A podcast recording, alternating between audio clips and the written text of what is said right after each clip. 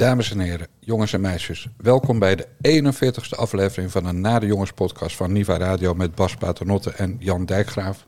We hebben vandaag een hele speciale special, namelijk de Sumaya special. En dat hebben we te danken aan Geert Wilders. Want Geert Wilders heeft vorige week een tweet de wereld ingestuurd, een beetje flauwe tweet, een, zeg maar, een slechte grap, van een foto van het eh, D66-Kamerlid Fonda Sala. En daar zette hij bij het, iets van: nee, het is geen IS-aanslag, het is een D66-Kamerlid. En eh, daarop reageerde Robbie Jette uiteraard, want die doet niks. Maar op Wilders eh, doet hij nog altijd een pechtoltje. Dus dat is eh, bovenop, want dan zijn zijn kiezertjes weer blij. En Kaag kwam uiteraard weer ook met een tweet over fatsoen.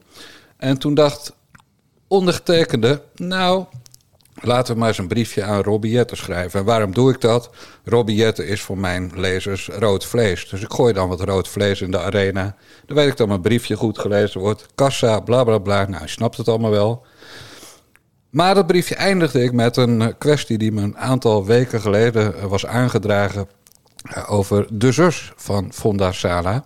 Namelijk de vraag: is de voormalige Hofstadgroep terroristen Soumaya Sala familie van Fonda. Dat zou namelijk best wel opmerkelijk zijn. En toen had Jan Dijkgraaf beet. Juist. Want ik had één bron, die had ik een paar weken geleden al uh, gekregen. En zaterdagmiddag meldde zich via WhatsApp een tweede bron. Die zei: Het is niet zomaar familie, het is een zus. Nou, twee bronnen in de journalistiek is raak. Dus ik uh, update mijn briefje met. Uh, nou, het zijn zussen, die twee. En daarop sloeg uh, uh, het uh, geachte Kamerlid Geert Wilders uiteindelijk aan... na wat, wat heen en weer getwitter van deze en gene. En terecht. Ja, want Wilders stond op de dodenlijst van de Hofstadgroep... en wordt al 17 jaar ruim 24 uur per dag beveiligd...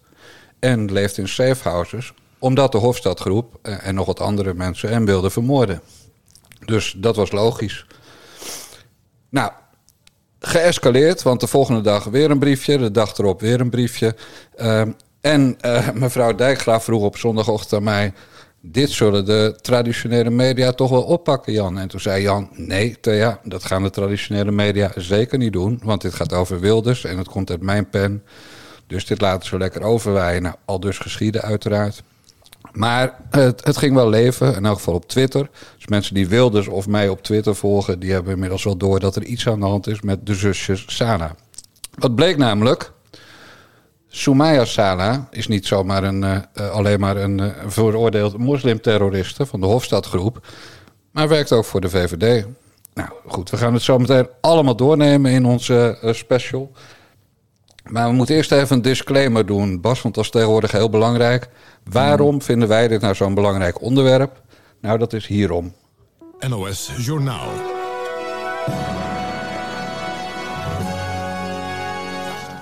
Goedemiddag. Regisseur, schrijver en televisiemaker Theo van Gogh is vermoord. Hij werd vanmorgen rond 9 uur op de Linnaeusstraat in Amsterdam gedood. Hij werd gestoken en beschoten door een 26-jarige man... die zowel de Nederlandse als Marokkaanse nationaliteit heeft. Van Gogh was volgens ooggetuigen op slag dood. De dader vluchtte, maar werd korte tijd later door de politie in zijn been geschoten en aangehouden. Op zijn vlucht heeft de dader ook nog een voorbijganger en een motoragent geraakt. Beide zijn licht gewond. Ja, nog steeds, uh, nog steeds koud om het hart. Ja, Ik herinner het uh, me als de dag uh, van gisteren.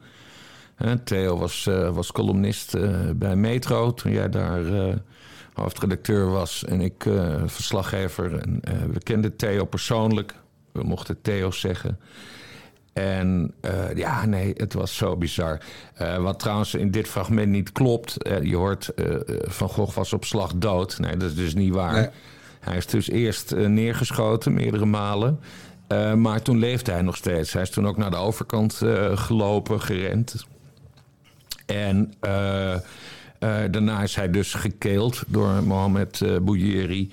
En uiteindelijk kreeg hij dus ook nog eens een, uh, een mes in zijn buik met er een, uh, een briefje van uh, Bouyeri aan, aan Jan Hirsi Ali en Gert Wilders.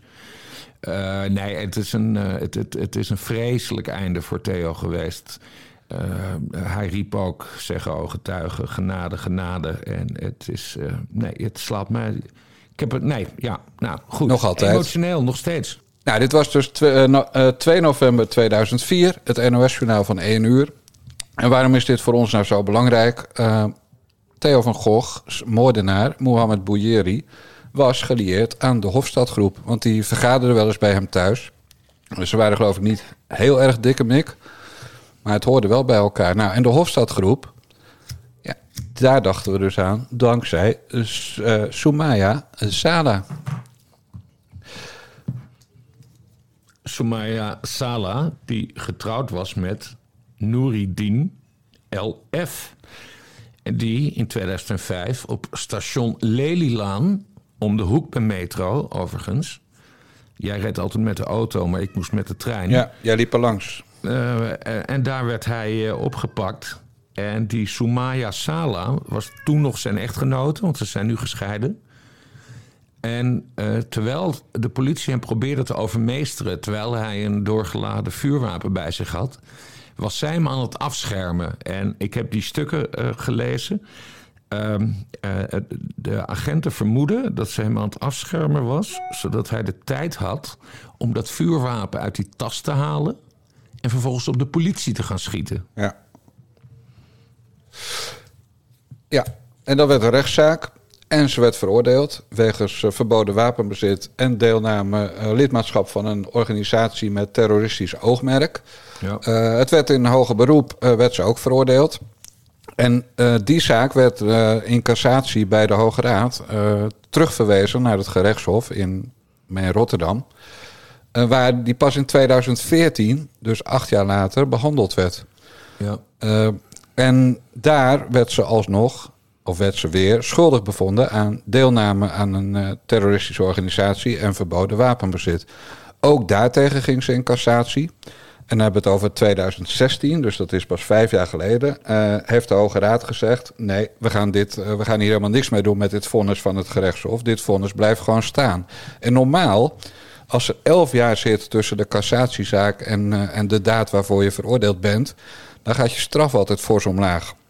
En in dit geval, eh, ja, ik heb het ook allemaal gelezen, maar in dit geval ging de straf dus niet omlaag. En waarom niet? Omdat mevrouw geen enkel besef van schuld had. Eh, ze vond dat ze helemaal niks eh, strafrechtelijk verkeerds had gedaan. En er was dus ook geen, geen spijt, er waren geen excuses, er was ook helemaal niks. Er was alleen maar het afwijzen van de uitspraak van het gerechtshof door mevrouw Soumaya Sala. Die in 2016, ten tijde van de cassatie bij de Hoge Raad, al werkte voor de VVD. Exact. En daar gaan we het straks over hebben. Want afgelopen week heeft een verslaggeefster van de Telegraaf hier ontzettend eh, veel verwarring over veroorzaakt. Eh, maar daar komen we straks op terug. Eh, laten we nu eerst eens gaan naar die Fonda Sala. Waar het dus mee begon. Die nu tijdelijk D66-Kamerlid is. Frits Bolkestein heeft haar gefeliciteerd. En daar hebben wij een fragment van. Hallo Fonda. Ik ben erg blij dat je lid van de Tweede Kamer gaat worden. We hebben daarover gesproken in het verleden. Ik heb je toen aangemoedigd om deze stap te zetten. En dat doe je nu. Dus ik kan alleen maar blij zijn uh, dat je een nieuwe volksvertegenwoordiger zult worden. En ik uh, ben er zeker van dat je dat heel goed zult doen. Helaas voor de verkeerde partij. Maar goed, je kunt nog niet alles hebben. Uh, maar tot, tot, tot nu toe uh, hartelijk, hartelijk gefeliciteerd. En tot, tot gauw hoop ik. Want ik ben natuurlijk erg geïnteresseerd in het werk van een andere partij. En dus dan ga ik je daarover ondervragen. Goed, tot ziens, het allerbeste en tot gauw. Ja, Hier- dag hoor. Hier hoorde je dus op het eind een lachje. Ja. En dat lachje is van Soumaya Sala. Ja, heb ik ook gehoord. Ik, ik kan dat niet bewijzen, maar eh, die zou het dus hebben opgenomen. Eh, want niet alleen Fonda Sala is een protégé van eh, de oude Frits, maar dus ook die Soumaya is een protégé van de oude Frits. Ja, Fonda dus niet, Bas. Fonda kent hij wel, maar hij kent haar omdat hij al vanaf 2011 de mentor van Soumaya Sala is, Bolkestein. En hoe dat kan, geen flauw idee. Hij is blijkbaar betoverd door die jonge dame. Eh, sinds ze geen eh, niqab, of wel, wel hoe het ook mag heten, in elk geval een volledig bedekkend pinguïnkostuum draagt. En hij kent misschien haar wel gewoon als de zus van zijn goede vriendin Sumaya Sala. Ja. Kijk, waarom zeg ik dat zij dat is? Omdat dat filmpje... Natuurlijk gaat een bejaarde, broze man... die gaat niet uit zichzelf een filmpje op YouTube zetten... om een D66-Kamerlid te feliciteren. Nee, dat Nee. heeft hij gewoon op verzoek van gedaan. En zij neemt dat braaf op eh, en eh, lacht een beetje. Nou, nou is ook een beetje de vraag waarom ze lacht. Want eh, doordat wij in deze kwestie zitten, worden wij, jij en ik, jij net zo hard als ik, denk ik, bestookt met allerlei tips van allerlei mensen. vooral via WhatsApp en via DM. En een van de dingen die gezegd wordt, is dat Bolkestein helemaal geen zin heeft in die filmpjes, maar zich min of meer laat misbruiken. En dat hij eigenlijk amper doorheeft wat ermee gebeurt. Eh, want de Soma- Soumaya Sala is niet alleen eh, de protégé van, eh, van Bolkestein, die die aan allemaal baantjes heeft geholpen. Maar ze schijnt ook zo ongeveer bij hem in te wonen. Bij hem en zijn vrouw Femke. Ze schijnt ook prijs te stellen. Ik zeg het nu heel netjes, want anders staan we weer voor de rechtbank. Prijs te stellen op financiële bijdrage van de familie Bolkestein voor haar goede strijd. Welke dat ook mag zijn. Kortom, ja, ik noem dat, ik geloof dat ze dat een uitnasser noemen. Of een, een- ja, in elk geval iemand die profiteert van de goede zorgen van een oude man. Ja, wat, wat mij vooral opvalt aan deze, deze opname, die, die eigenlijk heel pijnlijk is, is Ja. dat, dat Bolkestein zo, zo kwetsbaar klinkt. Hij is ook 88 jaar oud inmiddels. Ik, eh, ik heb een geweldig mooie anekdote over Frits Bolkestein, die ik hier toch even tussendoor gooi om het, om het verschil aan te geven. Eh, begin deze eeuw eh, had ik een, eh, een relatie met, laten we het noemen, een, een Poolse- Joods meisje. Nee, nee, een Oh. Poolse, Poolse prinses. die een, eh, ehm, een galerie uitbaatte.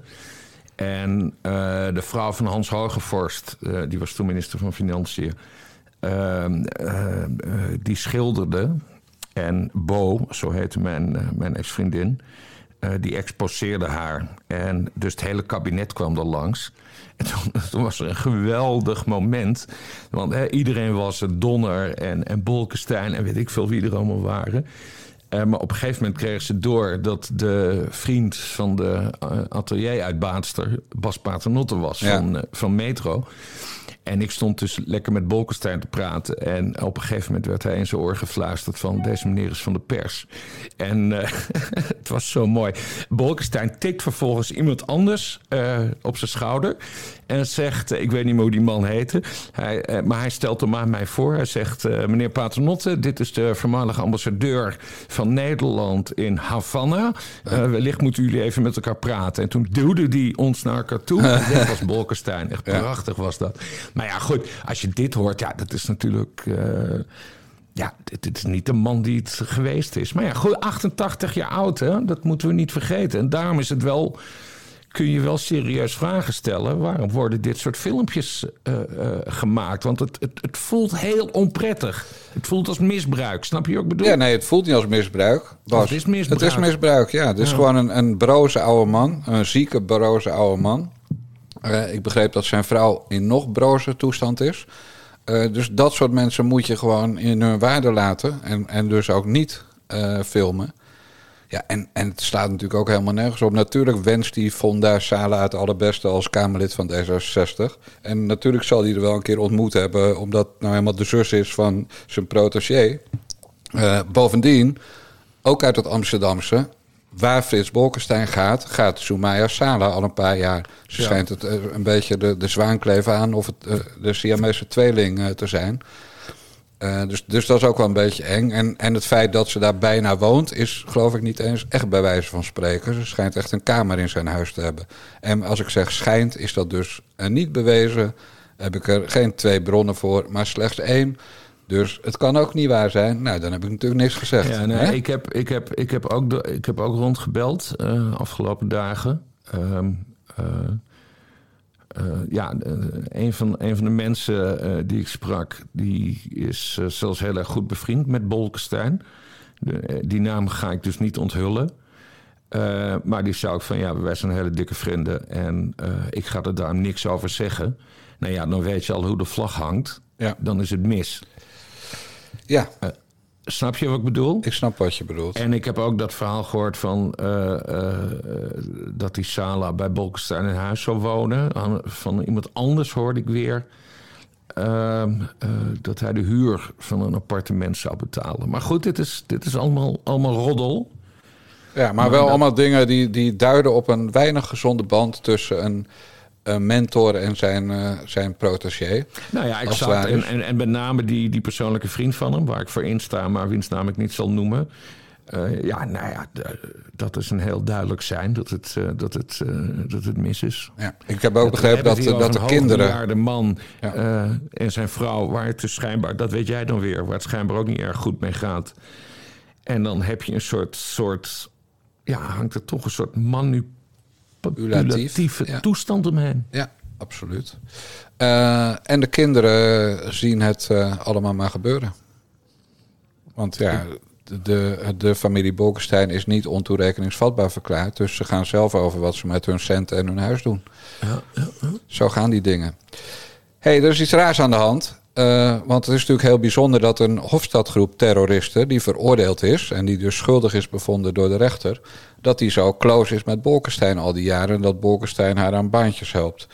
Eh, het gekke is, die mevrouw is niet, niet de enige die zegt dat ze niet schuldig is. Eh, want dat zegt ze. Ik ben niet helemaal niet schuldig aan die zaken waarvoor ik veroordeeld ben.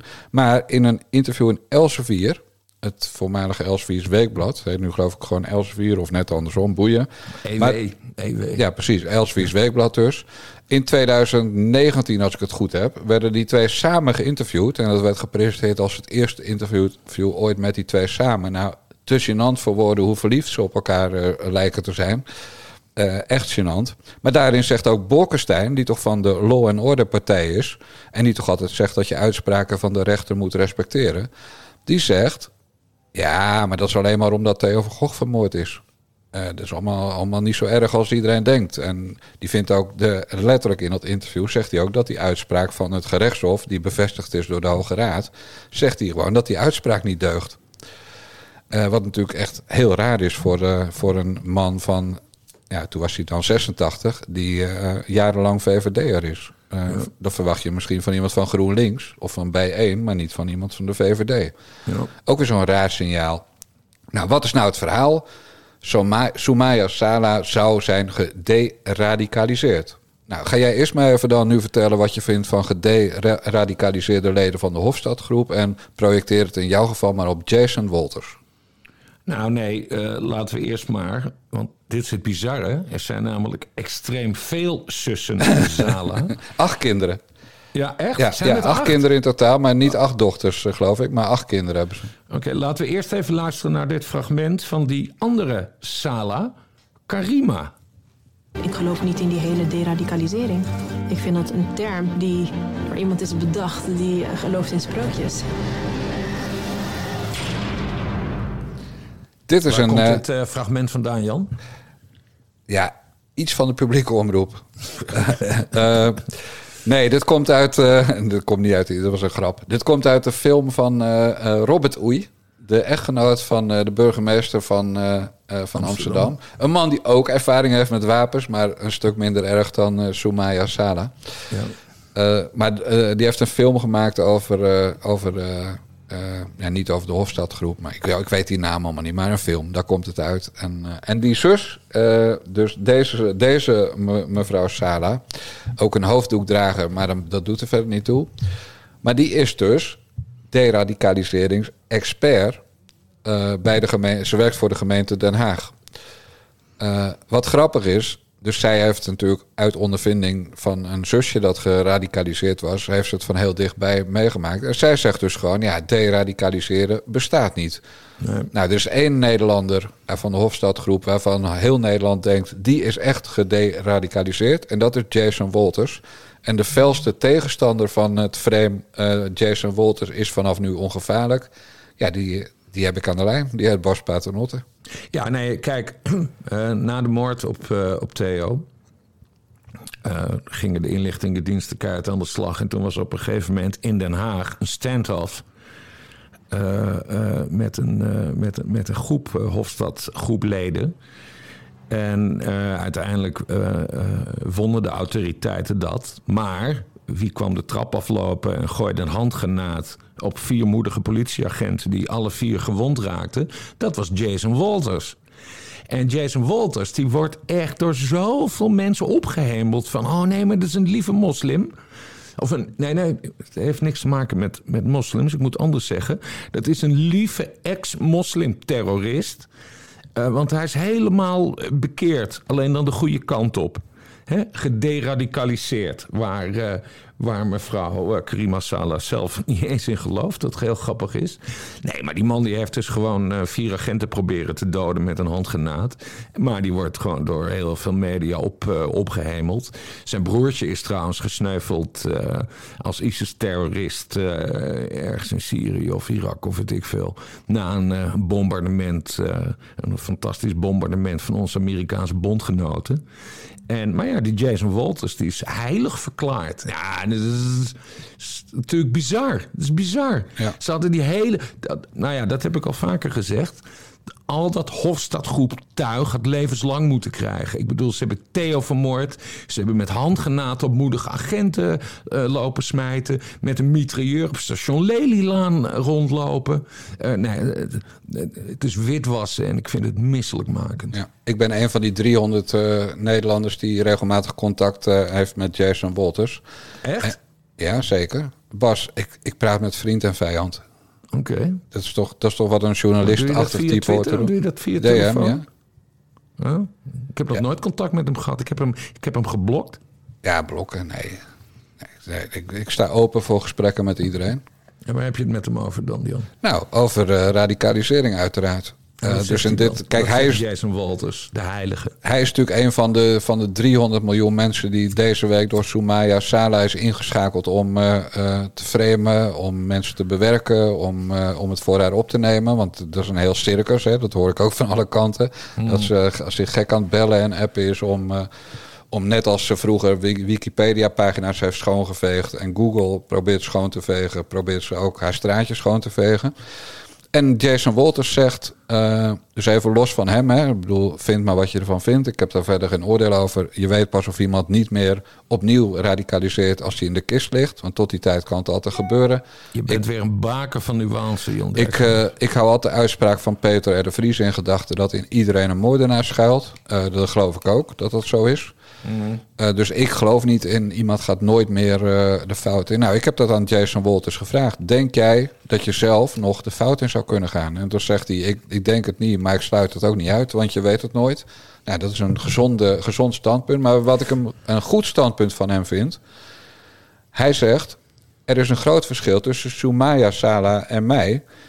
Ik heb ingezien dat ik fout ben. Dus los van of jij het gelooft, hè, dat maakt niet uit. Maar ik heb ingezien dat ik fout ben geweest. Uh, en dat is het begin van het deradicaliseringsproces. Dat je erkent en inziet dat je uh, verkeerd bezig bent geweest.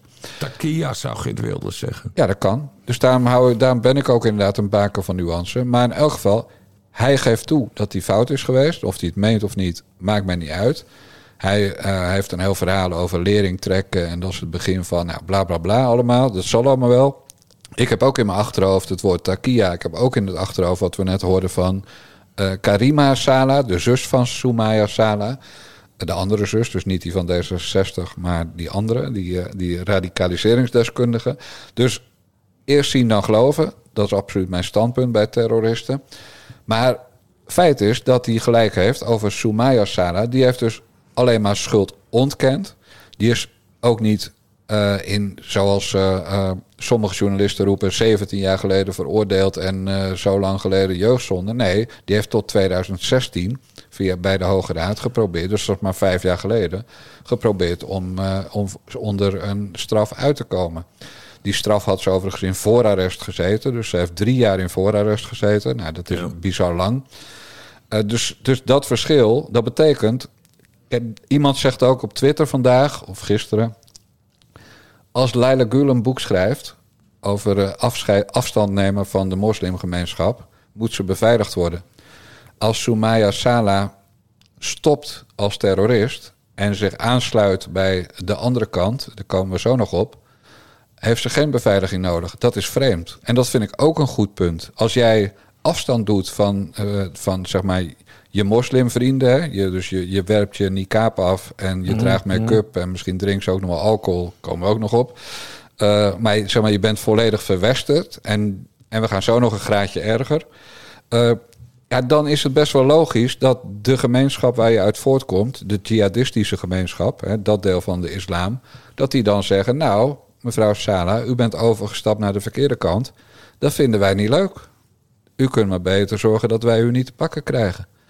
Maar ze loopt geen enkel gevaar uh, in de schaduw van Frits Bolkestein. Terwijl een, een meisje van 24 dat een boek schrijft, uh, fictie, non-fictie, whatever, maar een boek schrijft over afstand nemen van haar familie, ja, die moet voor haar leven vrezen. Ja. Is een gek teken. Nou, Sumaya. Dus we hebben vastgesteld, we weten allebei niet of ze geradicaliseerd, gederadicaliseerd is of niet. Uh, en, en jij gelooft er helemaal niet in. En ik geloof er pas in als ze in de kist liggen, definitief. Mm. Maar ik sluit het ook niet uit, want het is mijn vakgebied niet. Uh, feit is dat Jason Walters na die handgranaat niks meer gedaan heeft. En feit is dat Soumaya Sala na die, uh, dat verboden wapenbezit en lidmaatschap van die terroristische organisatie, voor zover we weten, ook niks gedaan heeft. Uh, maar ik zei net, ze is een beetje overgestapt naar de andere kant. Maar dat is niet een beetje, dat is veel erger. Want in 2017, rond deze tijd, in Utrecht, was Frits Bolkestein spreker bij Ganouka, heet dat zo? Mm de Ganouka-viering. Uh, en die introduceerde daar met heel veel trots een mevrouw en die heette Sumaya Sala. Even luisteren. luisteren. Wat ik overigens ook geleerd heb nadat ik in Auschwitz ben geweest en gelezen heb over de vervolgingen van de Joden in de loop der eeuwen heen, is dat het Joodse volk een doorzettingsvermogen van je welste heeft. Dat het nimmer de dwazen hun zin geeft om het licht van het Jodendom te doen doven. Dat zij zich heeft weten te herpakken en door is gegaan met het leven als beter tevoren. En dat zij, na 2000 jaar een Joods thuis heeft gevestigd.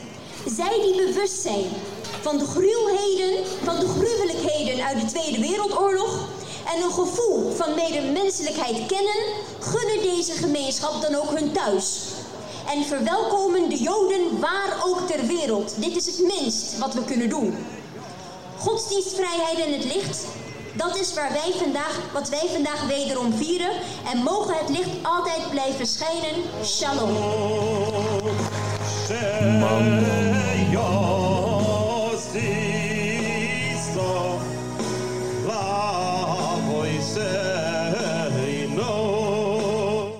Zeg het maar. dit geloven? Dit, dit is toch volstrekt ongeloofwaardig. Oh, ik ben in Auschwitz geweest. Ja. Ja, ik ben ook in Auschwitz geweest, vijf keer. Ik heb er rondleidingen gegeven, mevrouw. En maar echt, het ene moment word je opgepakt met een pistoolmitrailleur. en het volgende moment neem je het op voor de Joodse mens. Ik vind het allemaal zo volstrekt ongeloofwaardig. Het ligt er zo dik bovenop gewoon. Wat? Ja, eh, ze probeert het, een soort verdienmodel of zo probeert ze ervan te maken. Of ze, ze probeert zich te... Ja, hoe noem je dat? Ja, dit is witwassen in de derde graad. Ja, exact. Ze is uh, zichzelf aan het witwassen. Ja, en, en, iedereen die hier aan meewerkt. Juist, want ik kreeg, ik kreeg gisteren ook een bericht van een, een uh, rabbijn uit Utrecht. Ik ben zijn naam mhm. even kwijt. Die ook riep, ja, ja, maar ik steek echt mijn handen in het vuur. Ja, heel veel mensen die staan bij de open haard op dit moment. Want heel veel mensen staan voor deze mevrouw hun handen in het vuur te steken. Maar dus ook een rabbijn. En er was ook iemand die meldde... Ja, maar ze is ook mee geweest met het CD naar Israël. Dus ze is niet alleen in Auschwitz geweest, maar ook met het CD naar Israël. Mm. Ja, nou en... Volgens mij is Chris Alberts ook met het CD naar Israël geweest. En Wie Duk is ook met het CD naar... Sterker nog, als je als journalist niet met het CD naar Israël bent geweest... of als opiniemaker of Sander als figuur... Sander die was met Duk en ja, Chris Alberts. ik denk dat iedereen met het CD naar Israël is geweest... behalve Bas Paternotte en Jan Dijkgraaf. Want wij accepteren geen snoepreisjes. Oh, ik had het op zich wel een keer willen doen hoor. Maar nee, nee, wacht nou even. Wacht nou even. Nee, maar, nee, want hier bestaan heel veel misverstanden over. het City organiseert al jaren een, een, rondreis voor journalisten en opiniemakers. En, en, en, volgens mij ook, ook politici en beleidsmedewerkers. Dat is één grote groep. Uh, naar Israël. En, dan, en, en, dan, en dan ga je met Palestijnen praten en ook Israëli. En uh, ik ben er ook wel eens voor uitgenodigd. Maar ik ook. Het is een extreem intensief programma. En daar heb ik helemaal geen zin in. Want je, je bent een week, uh, ben, je, ben je bijna 18 uur per dag uh, daar, daar, daar bezig. En uh, nou, maar dat is, niks, dat, is, dat is niks voor mij. Ik wil niet zeggen dat het slecht is, dat andere mensen er wel aan meedoen. Maar ik hou, ik hou niet van die. Het is mij te druk. Ja, maar waar het om gaat, is dat deze mevrouw dus ook naar met het Sidi naar Israël is geweest. En dat zou dan weer een reden zijn om te vertrouwen dat ze gederadicaliseerd is. Ja, is What the fuck? ook uh, met Sidi naar ja, dat, dat, dat, zal ik hem eens vragen als ik hem weer met een DM. Uh, maar er zijn natuurlijk allemaal ongelooflijke kul-argumenten. Kijk, ik moet meteen toegeven, Bas, en dan heb je inderdaad Jantje Nuance weer. Uh, als ik met die Wolters over, uh, over Sumaya Sala heb, dan zeg ik ja, weet je, ik weet ook niet of ik gelijk heb dat ze nog radicaal zou kunnen zijn en dat ze nog terrorist zou kunnen zijn. Dat weet ik helemaal niet, want dat weet ik pas op het moment dat ze dood is. Uh, heb ik achteraf gelijk of heb ik achteraf ongelijk? Maar dat geldt voor al die mensen die nu met die handjes in het vuur staan te wapperen net zo goed. Die, al, die haar allemaal hebben leren kennen als protégé van Frits Bolkestein. En die dus in acteren. Daar geldt het allemaal voor. In dat kader is het misschien heel goed om even te wijzen op de tweet van de zoon van Afshin Elian. Die ook door de Hofstadgroep, niet de zoon, maar Afshin zelf, ook door de Hofstadgroep werd, uh, op de lijst werd gezet als een van de drie aardsvijanden naast Wilders en Ayaan Siali. Nou, die heeft getwitterd, eigenlijk wat ik net zei. Jason Walters, die heeft in elk geval spijt betuigd. En Sumaya Sala heeft nooit iets van spijt betuigd of schuld bekend. En hij uh, schreef daarbij veel betekenend wat mij betreft. En daar wil ik het graag bij laten. En waarom moet hij het daar ook bij laten? Hij is notabene ook justitiewoordvoerder van de VVD. En die commissie, die werkgroep van de VVD, waar Sumaya Sala in zit, justitie en veiligheid. Om even te benadrukken trouwens, want uh, ik zie veel domrechtse mensen op Twitter zeggen dat zij in de commissie Justitie in de Tweede Kamer zit. Maar deze mevrouw is dus geen Kamerlid. Haar zuster is dus Kamerlid voor D66. Deze mevrouw is actief bij de VVD. En die hebben een of andere werkgroep. Partijenwerkgroep, justitie. Ja, en, en die adviseert aan Kamerleden. Dus dat betekent dat de zoon van Afshin Elian... die werd, werd bedreigd met, met de dood uh, hij, is, hij is uit Iran gevlucht om uh, te overleven naar Nederland. Maar die werd bedreigd met de dood door de Hofstadgroep. Ja. En een voormalig lid van de Hofstadgroep, namelijk Soumaya Sana, zit nu in de commissie die hem adviseert over, en uh, schrik niet, haar thema is nationale veiligheid. Nou, hoe gek wil je het hebben? Waanzin, A, dat ze erin zit. Is waanzin. Ja, precies. En als ik Elian was, bedoel, dat is een beetje nog ik kan niet briefjes blijven schrijven over deze kwestie. maar eigenlijk verdient. Uh, ja, ik kan zijn voornaam nooit zo goed uitspreken. Dat is mijn gebrek als, als boertje uit Bergambacht. Uh, Ulysse, geloof ik, uh, Elian. Wat mij betreft verdient hij ook een briefje waarin eigenlijk alleen maar staat: sterkte kerel. Want die heeft natuurlijk de verhalen van zijn vader gehoord over Iran. Die zit dan in, denken ze, in de veilige en liberale VVD. Hè? Die jongen, die is Kamerlid voor, sinds, sinds begin dit jaar. Uh, doet hij ook best wel aardig, moet ik zeggen. Deugd, hè, lijkt het. Hè, wat bij een Kamerlid ook al heel bijzonder is. Mm. En die, die ontdekt nu eigenlijk, want ik weet zeker dat hij het ook niet wist. Want Wilders wist het niet, dus hij wist het ook niet. Die ontdekt nu opeens dat er iemand van een clubje dat zijn vader wilde omleggen. hem adviseert over nationale veiligheid. En uh, Elian junior is dus de enige VVD'er, actief politicus, die zich hier tot nu toe over heeft uitgesproken, mandje. Juist. Ja, dat klopt. Ja, dat is natuurlijk, eh, dat is natuurlijk helemaal uh, bizar. Dat politici, het is, we komen straks nog even op de regeling van werkzaamheden van dinsdagmiddag. Ja. Uh, maar dat politici gewoon allemaal hun bek houden over deze kwestie. En dat snap ik ook wel, want ze hebben een goede, goede kutsmoes. En dat is, ja, de zus zit in de Tweede Kamer voor D66. Maar je kan niet verantwoordelijk worden gehouden voor het gedrag van je familie. Nee. Nou, dan zeg ik alleen maar, Meiland Maxime. Ja. De dochter wordt verantwoordelijk gehouden voor een uitspraak die niet racistisch was van haar moeder. Erika Renkema. Precies. Uh, vergelijk dat eens met de zus van een veroordeelde moslimterrorist. Zit in de Tweede Kamer naast een partij. Natuurlijk kan Fonda Sala daar helemaal niks aan doen dat die uh, Soumaya haar zus is. Maar het had toch wel heel erg netjes geweest als de imbeciel die haar op de lijst hebben gezet. Ik noem Sigrid Kaag. Hè. Eh, ik noem ook even Sidney Smeets. Want de lijst had meer uh, vlekjes. Maar die had op zijn minst het fatsoen kunnen opbrengen om te zeggen... Hey, beste Geert, ik mag je niet. Sterker nog, maar je levert ons wel zetels op. Want we kunnen lekker op je schelden en daar zijn onze kiezertjes blij mee. Maar even dat je het niet van een ander hoort, bijvoorbeeld uit een briefje van Jan. Uh, onze Fonda, die nu in de Kamer komt om een ziek Kamerlid te vervangen, is de zus van een meisje dat veroordeeld is wegens moslimterrorisme, lid van de Hofstadgroep. En wij zijn ervan overtuigd, had ze nog achteraan kunnen zeggen, dat ze gederadicaliseerd is. Had ze kunnen doen, hè? En had Wilders gezegd niks mee te maken en flikker op. En hoe kan je dat mensen op de lijst zetten? Maar dat maakt allemaal niet uit. Maar dat fatsoen heeft, had Kaag best kunnen opbrengen. Dus dat ja, Wilders... En meer, en, maar meer mensen hebben dat fatsoen, dat fatsoen niet weten op nee, te brengen. Nee, de VVD niet. daar, ga, daar gaan we het straks over hebben. Ja. Want er gebeurde tijdens deze rel... of nou, het is geen rel trouwens, het is een affaire... Uh, gebeurde er ook nog iets anders. Omdat jij op Twitter in discussie raakte. Ja, ik kreeg op mijn lazer. Op je lazer van een verslaggeefster van de Telegraaf. Voor je jezelf verder voor lul zetten. Ik heb ontmoet, maar erg graag mag. Want ik kan altijd leuk met de twitteren. Maar hier is ze wel uit de bocht gevlogen. Uh, en ze heet Elif Issedman. En daar hebben wij een fragment van. Ja, maar ik ga eerst even een disclaimer doen. Uh, dat is belangrijk oh in deze wereld. We moeten zo oppassen, Jan. Ja. Het is echt... Elif Isitman, die ken ik, heb ik één keer persoonlijk ontmoet in Leeuwarden. Ik ging naar een lezing van Wie Duk. Leeuwarden, niet Leeuw, Leeuward. Ik kom uit Rotterdam. Leeuward. Nou, in, de, in de hoofdstad van de provincie Friesland gaf Wier Duk een lezing. En omdat ik in Friesland woon, dacht ik... leuk, ik ga een keer kijken naar die lezing. En ik ging van tevoren eten met Wiert. En waar ging die lezing over? Dat weet ik niet meer. Ik, weet niet, ik wist niet eens dat Wiert lezingen geeft. Ja, dat doet hij verdomd goed. Dat is, okay. Wiert is een geboren dominee CQ-onderwijzer. Dus dat doet hij verdomd goed. Maar goed, ik ging eten met Wiert in uh, de Walrus. Uh, en we krijgen geen geld uh, van de Walrus voor deze reclame. Dus ik kan rustig zeggen in de Walrus. Mm. Er zit ook een vestiging in Sneek trouwens. redelijk eten, niks bijzonders, maar goed. een donatie van 20 euro binnen. Ik niet de naam noemen, oké. Okay. Het Sneek.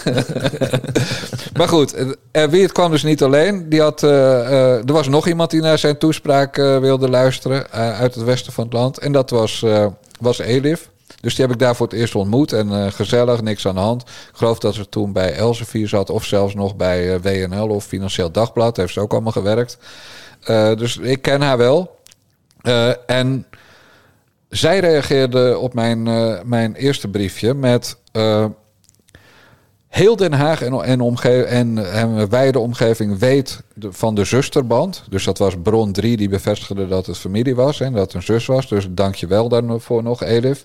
Uh, ten tweede zei ze, dus het is heel bizar dat Geert Wilders het niet weet. En ten derde zei ze dat het was bovendien een rechterlijke dwaling. Ja. Dus we gaan even luisteren naar wat Turkije doet met terroristen met een moslimachtergrond.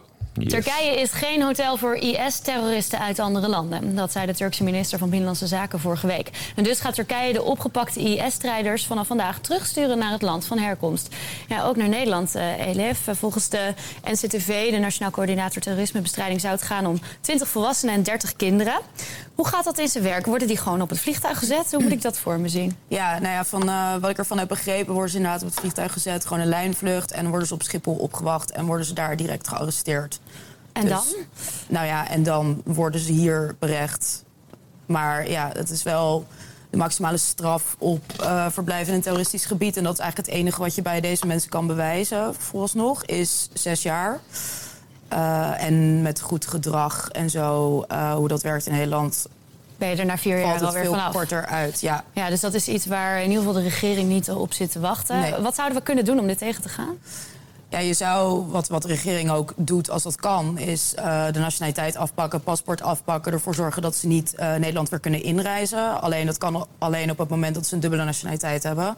En dat is in veel gevallen niet zo. En op het moment dat ze in Turkije vastzitten en Turkije zegt we sturen ze terug en ze hebben een Nederlandse nationaliteit, ontkomen wij er eigenlijk niet aan om ze gewoon hier binnen ja. te laten en volgens ons rechtssysteem te berechten. Tussen de regels door hoor je het is allemaal te soft en te lief en te aardig. Had jij dat ook? Nou ja, ze gaat, ze gaat vooral voor dat narratief... Uh, wat Vert Grapperhaus op een gegeven moment uh, heeft ingebracht... dat we ze hier gaan berechten. Wat de fuck, waarom zouden we ze hier berechten? Ja.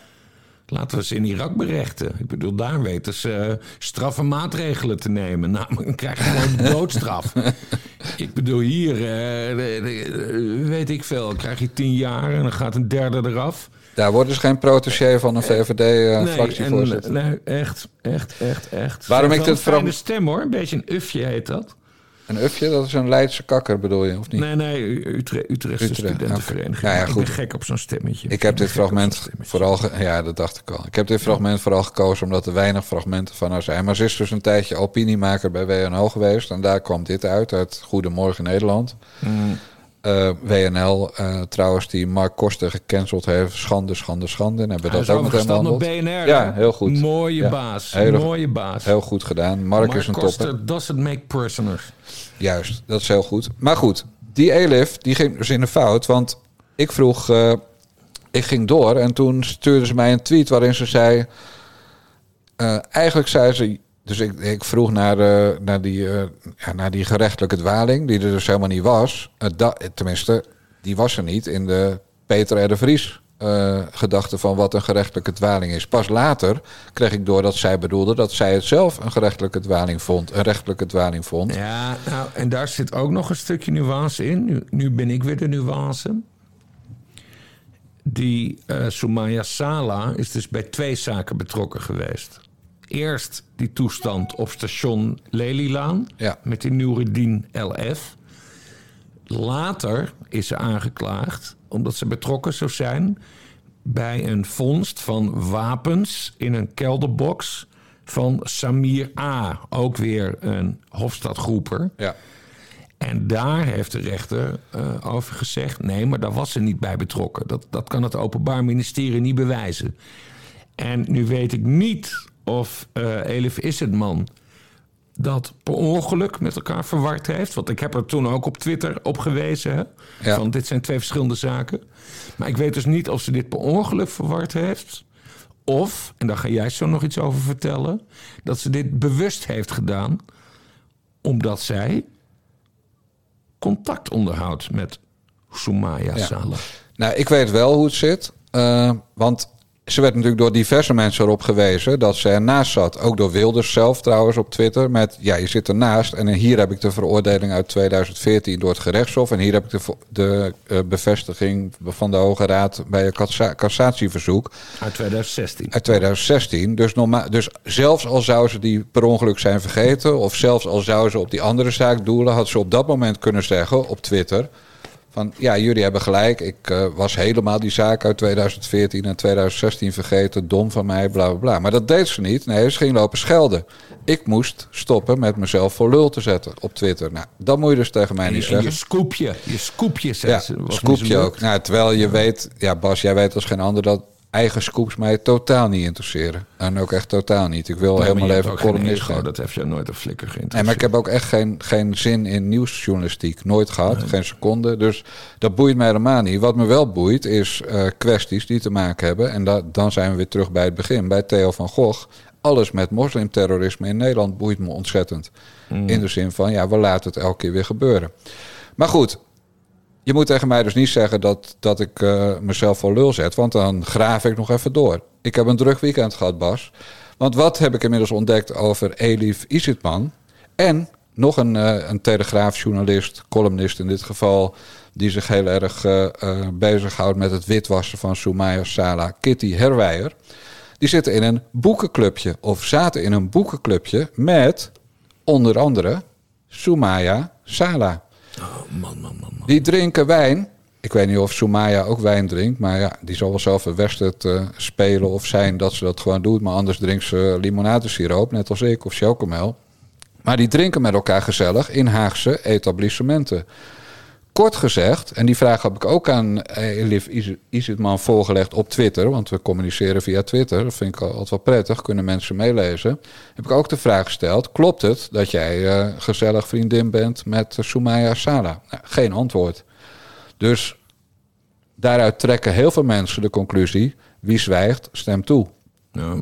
Ja, dat is ook terecht, uh, want het is gewoon waar. Ze zat in een boek, of zit of zat in een boekenclubje met Soumaya Sala en nog wat dames. Ik ken ook die andere namen, maar die ga ik, ga ik nu niet noemen, want dat zou naar de bronnen kunnen verwijzen. Ik heb twee bronnen. Dus 100% was er, een, was er een boekenclubje waarin Soumaya Sala zat en Kitty Herwijer en Elif Isitman, twee dames van de Telegraaf. Nou, en dat betekent dus gewoon dat het vrienden zijn. Nou, jij weet nog dat ik ooit bevriend was met Janine Hennis. Maar dat heeft me nooit van weerhouden om, als het om stukjes ging, gewoon de waarheid op te schrijven. En dan ben ik nog columnist. Maar als je het als telegraafjournalist voor je vrienden gaat opnemen en dan gaat lopen liegen. Ja, dan ga je wel ernstig over de schreef. Heel ernstig over de schreef. Dus Elif Isitman. Kijk, het kan natuurlijk dat zij alles gelooft wat die vriendin zegt. Maar ik denk dat zij bedoelde met het was een, een rechtelijke dwaling. Dat zij inmiddels, doordat ze door uh, Soumaya Sala is geïndoctrineerd. Want die wint mensen nogal makkelijk om haar vingers, heb ik ook begrepen. Nou, we zien het ook aan Bolkestein tot op het hoogste niveau. Uh, dat ze echt is gaan geloven dat ze, dat ze het ook zelf een rechtelijke dwaling vindt. Ja. ja. En dat is natuurlijk, ja, dat mag. Maar het is een fucking journalist van de Telegraaf. Ja, de Law en Orde krant. Is het mannen ze wel een beetje op teruggekomen? Gisteren, vandaag, dat weet ik niet meer. Dat ze zeiden van ja, ik heb inderdaad die uitspraken door elkaar gehaald. Drie dagen later, Bas. Ja, ja, ja. En, en nadat wij hebben aange... Kijk, ik voel me heel, heel erg bezwaard. Want je weet, ik ben groot fan van de Telegraaf. Ik, ik ben, ook. Al, ik ben al jarenlang abonnee. Uh, ik volg het natuurlijk met name voor het Haagse nieuws. Ik ben ik, Wouter de Winter, de, de, de politiek commentator van de Telegraaf... is een van de, uh, de best ingewijde verslaggevers die de krant heeft... Uh, chef parlementaire redactie Inge Lenten is geweldig. Heeft, heeft, weet heel veel nieuws boven te halen. Uh, Pim CD, dat is dan een jongen die met zo'n microfoon en een camera over het binnenhof loopt. Vind ik ook geweldig. Dus ja, het deed mij een beetje pijn dat deze mevrouw is het man zo ontzettend in de bres sprong voor Soumaya Sala. Ja, want als het nou echt je vriendin is en je wil, wil haar niet beschadigen, hou gewoon je smoel. Ja, dan moet je gewoon je kop houden. Ja, precies. En dat doet ze niet. En ze gaat in de fout. En, en gaat mij een beetje belachelijk proberen te maken op Twitter. Nou, mag hoor. Ik bedoel, heb ik scheid aan. Maar je moet er wel gelijk hebben. Uh, en ik heb mezelf volgens mij de afgelopen dagen, alleen vandaag, in mijn briefje van Jan aan Jesse Klaver voor lul gezet. Met, met iets over een oortje waarvan ik dacht hij wordt gesouffleerd, maar dat had een andere reden in ja. Nieuwsuur gisteren. Dus dan geef ik dat ook uiterlijk toe. En staat er ook meteen een update onder met volgens Nieuwsuurverslaggever Jeroen Wollaars of interviewer. Uh, was het om technische redenen dat Klaver een oortje droeg. Nou, klaar. Uh, de map nooit, dicht en nooit, niks. nooit bang zijn om te rectificeren of Precies. fout toe te geven. Ja, dat dus heb dat... ik van jou geleerd. Ja, en dat heeft hij Ik maak nauwelijks fouten, maar... nee, maar ik heb, ik heb ook wel eens een fout gemaakt en, en doen. Ja, maar Isertman was dus niet de enige. Ik noemde al die rabbijn. Maar we hadden ook nog Andreas Kouwenhoven van NRC Handelsblad. Heeft niks te maken met deze zaak. Heeft er ook geen letter over geschreven. Dat de, dat de zus van een, uh, uh, van een Kamerlid een Hofstad-terrorist is. Mm. Maar die ging wel bij de hand lopen doen met ja, een 17 jaar oude zaak. Of uitspraak. Nou, het was dus een vijf jaar oude uitspraak. En als je de Hoge Raad niet neemt, maar het gerechtshof, was het een. Een, uh, was het een uitspraak uit 2014, dus zeven nee, jaar maar oud. Dat is dus bewuste framing, hè? Exact. En wie is Andreas Kouwenhoven? 17 jaar geleden, terwijl het vijf jaar geleden is. Precies dan heb je er ook een doel mee. Ja, en het doel is, ja, het was een jeugdzonde. Dat wil ja. hij dan laten zien. En, ja. en Wilders moet niet zo moeilijk doen over een zus, zoiets zei hij ook nog. Uh, maar we weten wie Andreas Kouwenhof is, toch? Dat is oh, de man ja, die Pieter Omtzigt heeft gesloopt. Hij is wel eens op de Tapio Borrel geweest. Ik vond het op zich een aardige ja, jongen. Dat zal wel weer, Bas. Hij heeft, trouwens, hij heeft trouwens ook een baard. Dat maakt allemaal niet uit, zou Martin Meiland zeggen. Ja, ja, Andreas Kouwenhoven is de man die Pieter Omzicht een oor aan heeft genaaid. En of hij dat nou op alleen, eigen... En niet alleen Pieter Omzicht, nee, ook, Pieter, ook Pieter Waterdrinker. En hij heeft toen een hele gemene serie gemaakt over... waar hij allemaal, allemaal Pieter Waterdrinker, Pieter Omzicht... Uh, de indruk heeft gewekt dat ze aan de leiband van, uh, van Moskou zouden lopen. Wat natuurlijk allemaal onzin uh, was. Nee, kwalijk, kwalijk, ja. kwalijk. Uh, maar ik vermoed dat hij dan ook contact heeft gehad met uh, Soumaya. Ja, want die ja. Soumaya die heeft, daar kreeg gisteren nog door, die was gisteren nog driftig aan het rondbellen en appen om, om over mijn briefjes. Uh, die natuurlijk uh, dankzij TPO en geen stijl ook een groter bereik hebben. Waarom ja. mijn briefjes onderuit halen. Nou, wat lukt die lui nou? Die Soumaya Sala en wie ze dan ook verder allemaal mag inschakelen. Het lukt ze om het uit de media te houden. Want ja. wie hebben er wel over geschreven? Een briefje van Jan, geen stijl. Dagelijkse standaard, nieuw nieuws, dan heb je het volgens mij gehad. Nou, TPO, TPO uiteraard. Dus, ja, ja dus, dus dat betekent dat mensen die gewoon een krant lezen en Nederland 1 kijken die hebben geen flauw idee wat er speelde. Uh, dus ja, dat is uiteindelijk gelukt. Ze hebben, als, als Soumaya Sala over straat loopt, zal niemand zeggen: hé, hey, dat is die, die vrouw die vroeger een Hofstadterroriste was. Nee, ze kennen het sowieso niet. Of ze zeggen dat ze het vormvormig aanhangsel van Frits uh, Bolkestein als ze in Amsterdam wonen. Nou, wat mij het meest verdrietig maakt, is dat er maar één echt slachtoffer is in deze. En dat is Frits Bolkestein. En we hebben nog een fragment. Over hoe die vroeger was. andere Frits Bolkestein. Ja, de oude Frits. De, de Frits, Frits waarvan wij hielden. Kijk, meneer Wetteman, ik ben geboren in het verschrikkelijke jaar 1933. Ik heb de Wereldoorlog zeer bewust meegemaakt.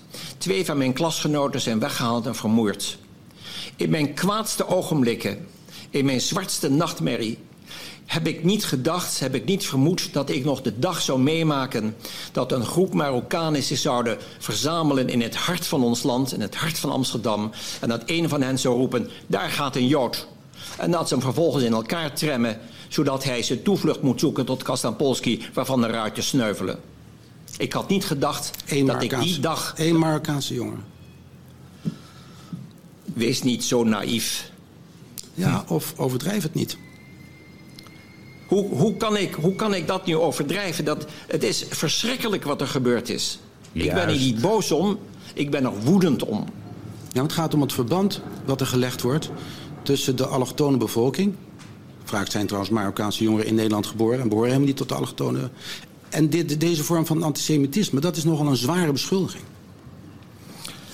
Um, de, de officiële media in het Midden-Oosten zenden dag in dag uit een stroom antisemitische en anti-westerse propaganda de wereld in. Nog steeds relevant. Dat zijn officiële ja. bronnen. Dat moet zijn gevolgen hebben in de rest van de islamitische wereld. En deze jongens worden daardoor, worden daardoor vallen onder die, ondergaan die invloed. En natuurlijk is er een verband. En, en zoals ik eh, onlangs heb gezegd, in 15 of 20 jaar is dus de absolute meerderheid in Amsterdam van allochtone herkomst. En binnen die meerderheid zal de meerderheid van hen dus islamitisch zijn. Maar daarmee nog niet antisemiet? Niet noodzakelijkerwijs, maar in, in de praktijk ben ik bang dat het daarop neer zal komen. Dit was 2002, heeft hij gelijk gehad. Je hebt je applausmachine aangezet. Ik, ik, moest even applaudisseren. Nee, dit is de oude Frits Bolkestein natuurlijk. Messcherp. Ja. Messcherp. Ja. En hij heeft gelijk. En daarom, hè, wat ik net zei, daarom is hij van deze hele affaire het grootste slachtoffer. Ja, daar ben ik niet helemaal met je eens. Hij, maar... hij, nee, maar hij wordt de kijk gezet door. De, door mevrouw Sala. Ja.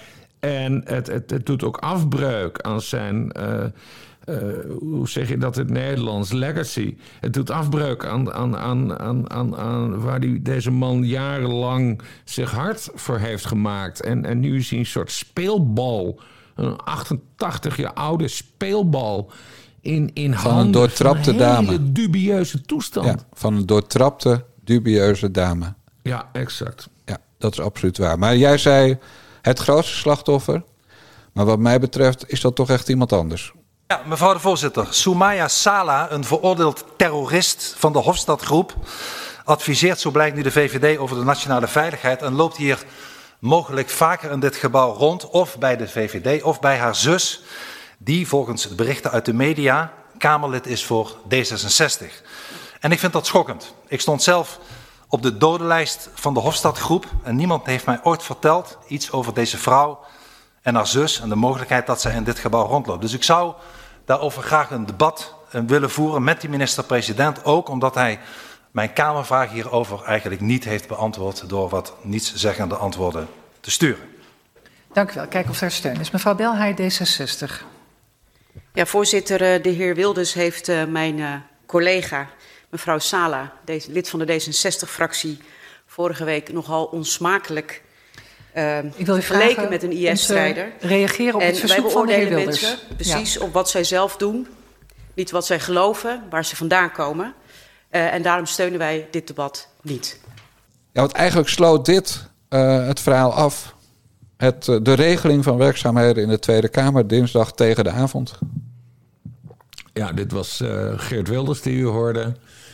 Uh, die had al eerder Kamervragen gesteld aan uh, demissionair minister-president Mark Rutte. Nou, daar kwam, uh, ja, daar kwam eigenlijk geen antwoord op. Dat was allemaal, allemaal vage shit. En Geert Wilders wil gewoon weten van waarom ben ik niet ingelicht... dat er rechts achter mij een, een mevrouw van D66 zit, wiens zuster een, uh, een uh, veroordeeld terrorist van de Hofstadgroep is.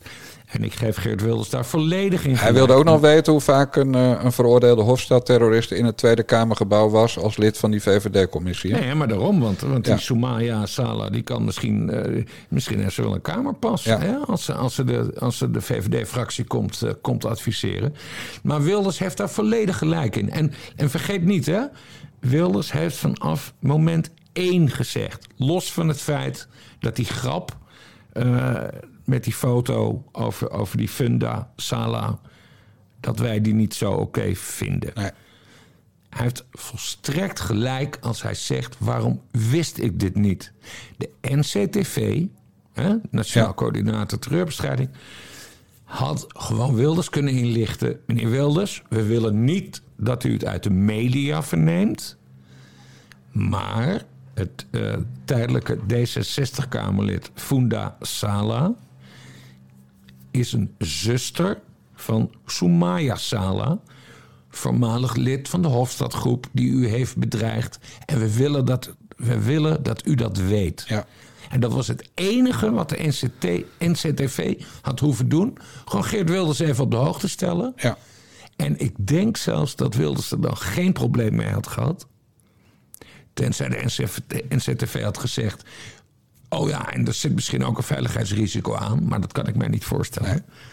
Ze hadden het hem gewoon even moeten vertellen. Het is trouwens wel een, een maas in onze wet. Hè? Ik bedoel, iedereen roept ook... Uh, had, uh, heeft die mevrouw, en dan gaat het weer over Soumaya Sarah... dan een VOG en bla, bla bla. Maar dat heb je natuurlijk helemaal niet nodig... om in commissie van een VVD te zitten. Maar je hebt het ook niet nodig om Kamerlid te zijn.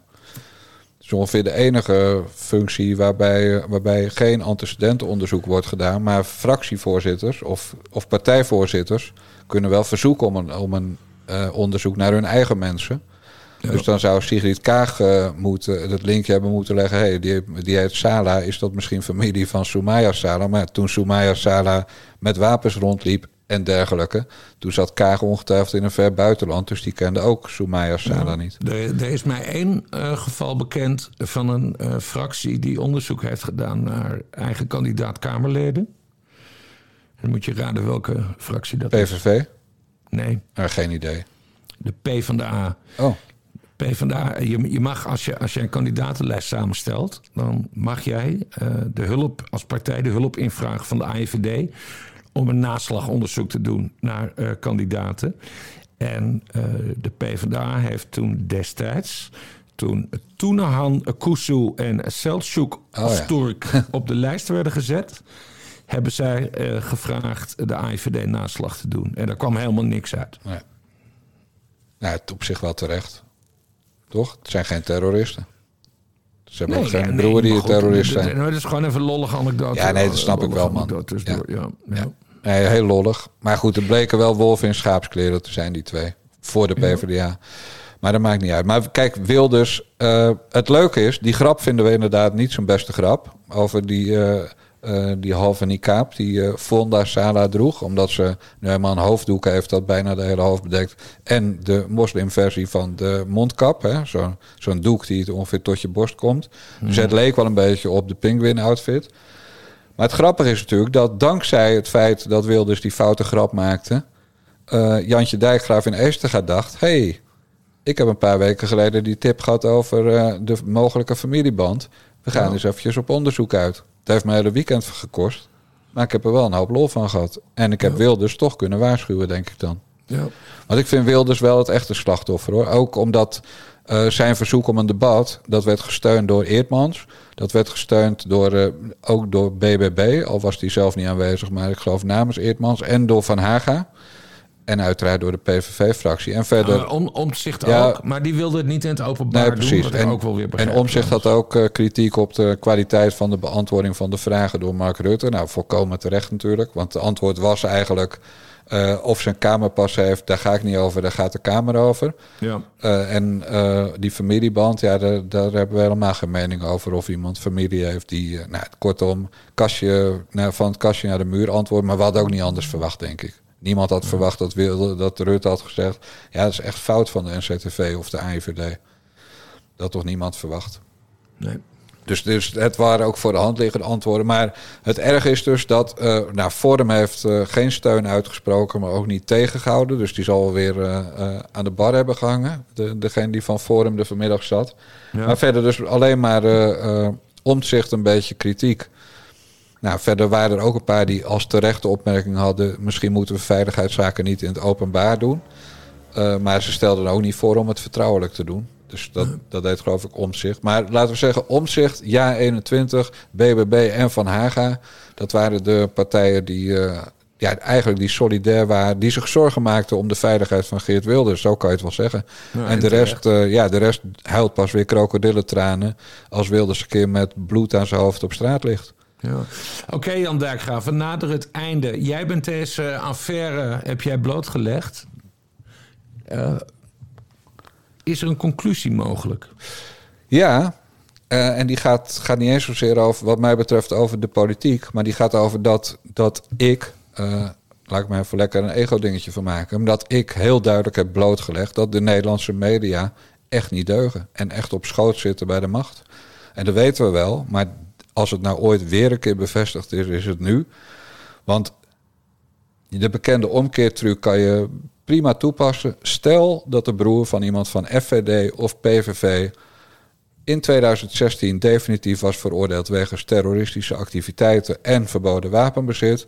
Hoe Mhm. zouden de media, op het moment dat het dan bekend werd dat die broer in de Tweede Kamer kwam, hoe zouden alle media in Nederland, van tv, de kranten, de radio, hoe zouden die allemaal gereageerd hebben? Een Nou, dat had tsunami van ophef. Wekenlang. Een tsunami van ophef. wekenlang. En nu een omerta. Gewoon allemaal zwijgen. En wat ze doen, en dan wijs ik naar die twee dames van de Telegraaf en naar Andreas Kouwenhoven van eh, de NRC. Wat ze doen is ja, in feite een beetje lachen. Van eh, het is allemaal niet waar. En eh, wat zeurt die Wilders nou? Ja. Dus, dus de, de conclusie is: ja, als je niet op Twitter zit, maar vooral op Twitter, en je volgt alleen maar traditionele media, dan stem je de volgende keer keurig weer VVD of D66. En dan denk je dat de VVD de Vroom Vroom partij is en dat D66 de Vroom Vroom partij light is. Want je, en dat de VVD goed is voor eh, eigen, eigen woningbezitters. En dat de VVD voor law en order is. En dat de VVD de grenzen dicht wil houden. Dat denk je dan allemaal. Ja. Terwijl de waarheid is, ja, dat, dat gewoon eh, het, het kartel waar Baudet het altijd over heeft. Ja, dat, is, dat bestaat. Het bestaat alleen niet uit politieke partijen, maar het bestaat ook uit de media. En dan alle media. En dat is, ja, ik vind dat echt. eh, Kijk, Thea die vroeg, eh, mevrouw Dijkgraaf, Thea die vroeg zondag met, eh, met gaan de media dit nog oppakken? Toen zei ik nee, zeker niet. En toen keek ze me echt aan alsof ze water zag branden. Hmm. Maar ja, je wist het, jij had het ook, jij had ook gedacht van nee, dat doen ze gewoon niet. Terwijl als het VVD of PVV'ers of FVD'ers had betroffen, of BBB of Ja21 of Van Haga. Nou jongen, de kranten hadden er vol van gestaan. Dagenlang, de talkshows. En nu gewoon allemaal niet. En, en dat is geen afgesproken werk. Nee, dat is gewoon echt, ze deugen gewoon echt niet. Het goede nieuws is dat Geert Wilders deze kwestie dus niet zal laten liggen. En iedere keer als hij tegenover eh demissionair minister-president Mark Rutte staat, eh, zal hij hem daarop aanspreken. Zo kunnen wij Geert Wilders, dat gaat hij doen. Eh, jij en ik blijven hier natuurlijk verslag over doen. Dat doen we ook in deze podcast. Maar er moet wel iets tegenover staan, Jan. Bas, ik wilde jou net voor de keuze zetten. Wil jij het nog hebben over Denzel Dumfries? Of gaan we gewoon even melden waar mensen hun donatie kwijt kunnen? Maar ik, ik begrijp dat je al gekozen hebt. Denzel Dumfries heeft uh, afgelopen week een fantastisch doelpunt voor Inter Milaan gescoord. Uh, daar gaan wij volgende week een special over maken. Dit. Heeft hem opgedragen aan zijn dochtertje, hè? Echt super mooi. Ja, super jongen. Wel, hoeveel zijn dochtertje? Ja, dat weet je dan weer niet, hè? Nu gaat het over feiten, Rotterdam. Dit was een Sumaya Sala special van de Nade Jongens podcast. En wilt u ons steunen, dan kan dat door te doneren bij de Nade Jongens podcast op tpo.nl, bij nadejongens.backme.org of bij bunk.me slash Radio. Heb je tips? Wil je ons overladen met complimenten? Mail dan naar onze redactietikgeit Naomi op redactie.nivaradio.nl. De mazzel. Volgende week spreken we jullie weer. Bye bye.